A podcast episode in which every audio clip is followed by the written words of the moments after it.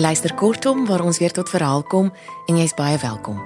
Ons gaan vanaand luister na 'n kort verhaal deur Jean Gosen wat ek gekry het in die Nuwe Afrikaanse Prosa boek, saamgestel deur Sonja Loots en Stewart van Wyk en uitgegee deur Iman en Resou in 2019. Die verhaal is getiteld Hermione en Marion Holm gaan dit voorlees.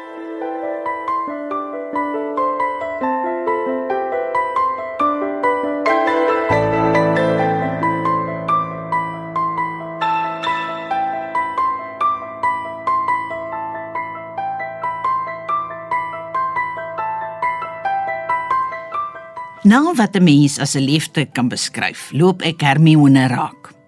Ons was op skool en vir 'n paar jaar daarna 'n soort van beste vriende. Sedertdien ontmoet ons mekaar soms by 'n restaurant kuier en probeer om die jare tussenin in te vul. Dit gaan goed met Hermione. Sy's 'n vermoënde en suksesvolle patoloog met 'n private praktyk. Hoe sal ek myself beskryf? Taamlik bekend as kunstskilder, maar nie beroemd nie. Geen kunskritikus was al ooit liries oor my werk nie. En my kunswerke word beskryf as stewig, betroubaar, dog donker. Wat dit ook al mag beteken. Ek is maar wat hulle noem 'n navi. No ambition, fuck all initiative. Maar ek lewe. En om nog 'n klompie jare te bly lewe, sal my seker nie doodmaak nie. Verder hou ek daar 'n dak oor my kop ensovoorts. Ek leef taamlik afgesonder, is effe aan die asosiale kant en raak van tyd tot tyd agorafobies en paranoïes.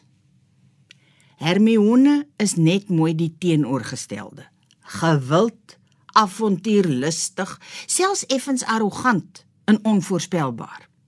Na twee mislukte huwelike het sy 'n drankprobleem ontwikkel. Dis darm onder beheer, sê sy lagend. Ek drink net naweke. Ek het eindelose probleme met my woonplek en huisbaas. Hy wil dat ek ontslaa raak van my twee honde. En hy het my versoek, mm, eerder beveel om nie swaar musiek te speel as sy kinders tuis is nie.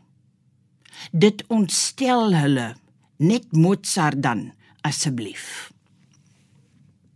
Die ruimte in my kothuis en tuin is klein. Ek slaap al vir 'n geruime tyd nie meer in my slaapkamer nie. Die mure is net te klam en swamme begin al deur die verf beur. Met die laaste storm moes ek 'n kouksambreel oor my span. Hermione wil hê dat ek by haar intrek. Ek oorweeg dit en stry teen die wete dat dit die verkeerde ding sal wees. Maar aan die ander kant voel ek enigiets sal 'n verbetering wees. Niemand sal my daar kom pla nie.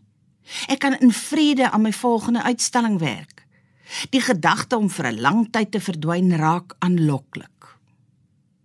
Sy meen ook haar drie klein hondjies en myne behoort oor die weg te kom. Daar's in elk geval genoeg ruimte vir 'n trop diere.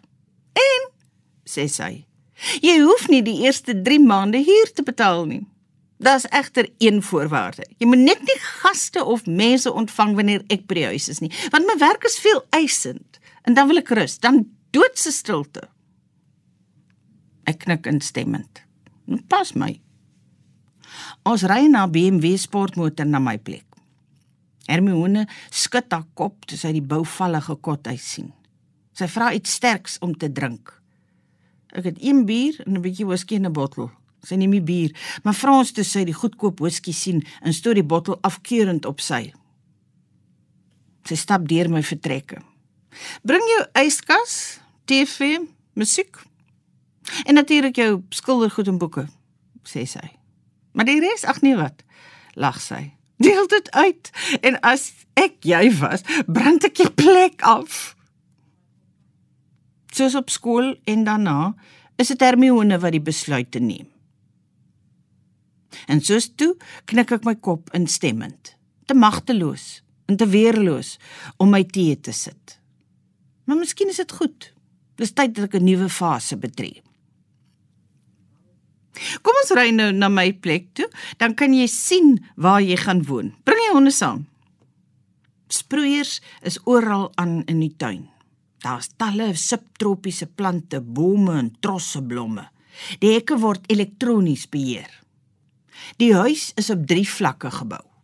Ons gaan na die onderste vlak. Dis 'n kolossale donker saal wat die hele vlak beslaan. In die hoek is daar 'n eislike vrieskas.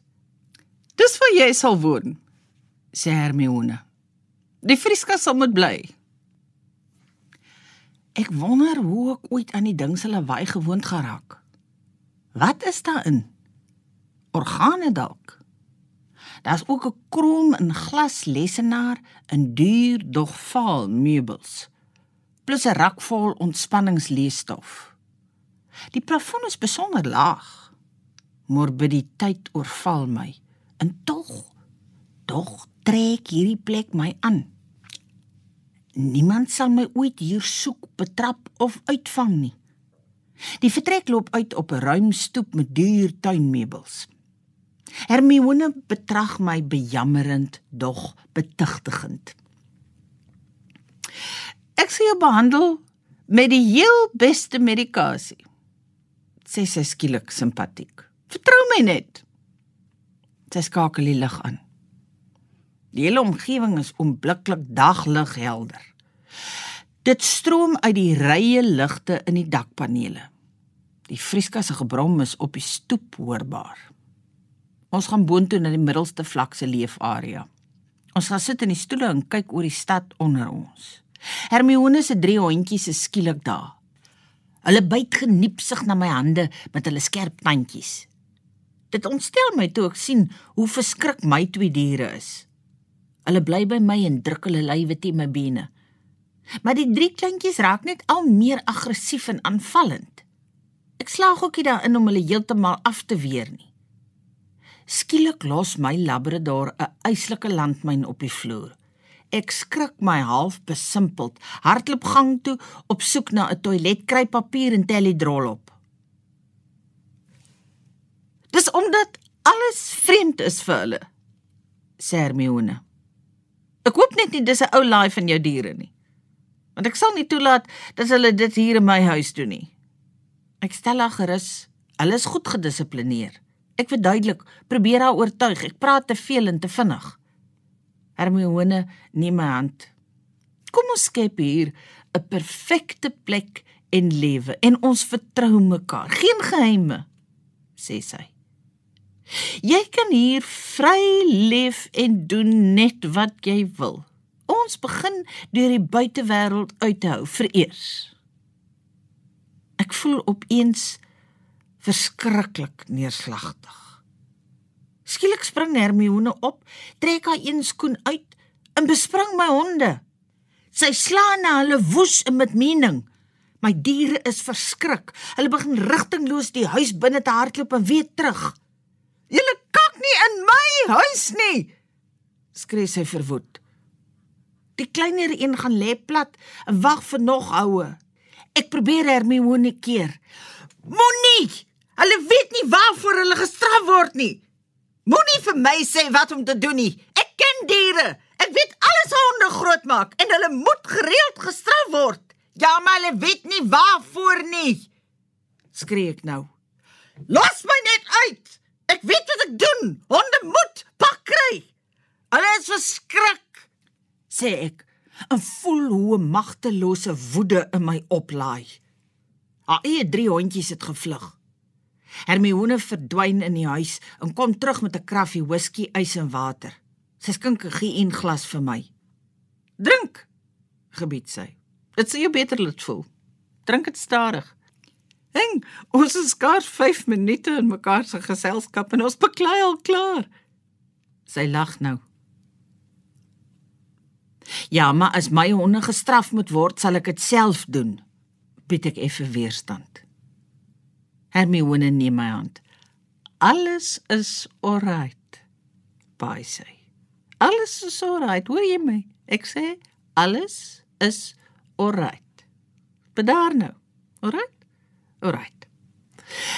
Ek sal vir jou sorg. Goed, sê ek.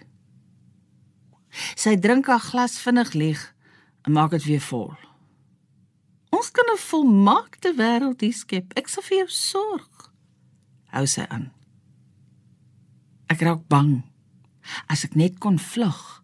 Maar ek is sonder vervoer, my diere sonder hulle leibande. Nou maar goed. sê Hermione lispelend en kry nog drank. Ek is jammer. Ekskuus, hoor jy my? Sy kyk skielik skerp na my. Jy weet, ek het 'n idee daar is iets in jou wat mense aanhoudend laat verskoning vra. Jy laat almal om jou skuldig voel. Asof hulle aandadig is aan 'n eislike onreg heens jou. Dis 'n manier van manipulasie, weet jy? My honde sluip van iewers af nader en kom leun teen my bene. Hermione kom nader en hulle krimp terug. Maar sy dring daarop aan om hulle te streel. Sy praat baba taal met hulle. Hulle verduur haar aanraking. Maar hulle bly bang en bewend.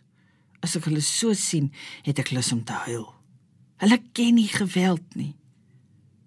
Ons leef goed saam. En ons is gelukkig en vry, rustig.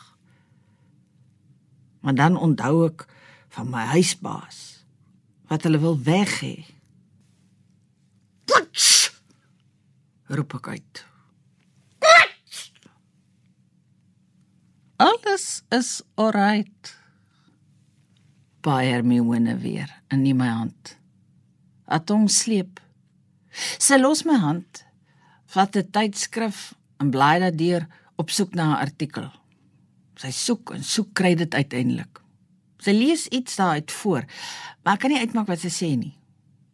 Ek lees die opskrif onderste bo. The holistic idea. Sy's nou dronk. Ek begin musiek. sê sy. Strompel in die CD-speler en druk 'n knoppie. Dis mood music en dit irriteer my. Dit word skemer. Sy gaan lê op die mat, wink my nader dat ek langs haar moet lê. Kom ons rus 'n bietjie, sê sy. Dis 'n bevel en ek gehoorsaam. Skielik spring sy op en gaan sit dwars oor my en begin my onsag en wild kiel. Ek skree, ek is magteloos, ek huil en lag deurmekaar, is pynlik. Net so skielik los sy my. Sy draai op haar sy en sluimer feitelik dadelik in. Ek lê stil en hou my asem op. Toe sy begin snork, staan ek op en stap met die trappe af na die onderste vlak. Die vrieskas vibreer asof dit 'n wil van sy eie het. Shut up. skreeu ek. Ons skakel die ligte aan. Ek betrag die vaal meubels. Die plek is 'n afskuwelike grot, maar terselfdertyd trek dit my ook aan. Dis 'n wegkruipplek teen almal en alles. Jy hoef niks te doen nie. Net sit en asemhaal en doodgaan terwyl jy lewe. Die gebrom van die vrieskas word al hoe harder. Sal ek ooit daaraan gewoond kan raak? Ek gaan weer boontoe. Hermione slaap steeds. Dieselfde snit op die CD-speler speel oor en oor. Dit is nou heeltemal donker. Ek gaan sit in een van die stoele en kyk uit oor die stad. Die liggies flikker. Ek voel vreemd. Asof ek nie in hierdie lewe lewe nie, bloot 'n toeskouer is. Hermione word wakker. Sy's nou heeltemal nugter. Kom ons gaan slaap, sê sy. Ek volg haar deur die huis. Sy maak die deur van 'n slaapkamer oop en gee vir my pyjamas om in te slaap en twee slaaphulle. Drink dit, beveel sy. My honde volg ons die hele tyd, stil en onopsigtelik. Ek klim in die ruim bed met die diere wat hulle op die mat tuis maak. In die nag roep ek hulle saggies. Ek vou die komberse oop. Hulle klim geruisloos en onseker in die labrador agter my rug en die kleintjie voor. Is so right. Baik. Ek omarm hulle. Alles is so right. Hoor julle my? Alles is so right. Ek sal vir julle sorg.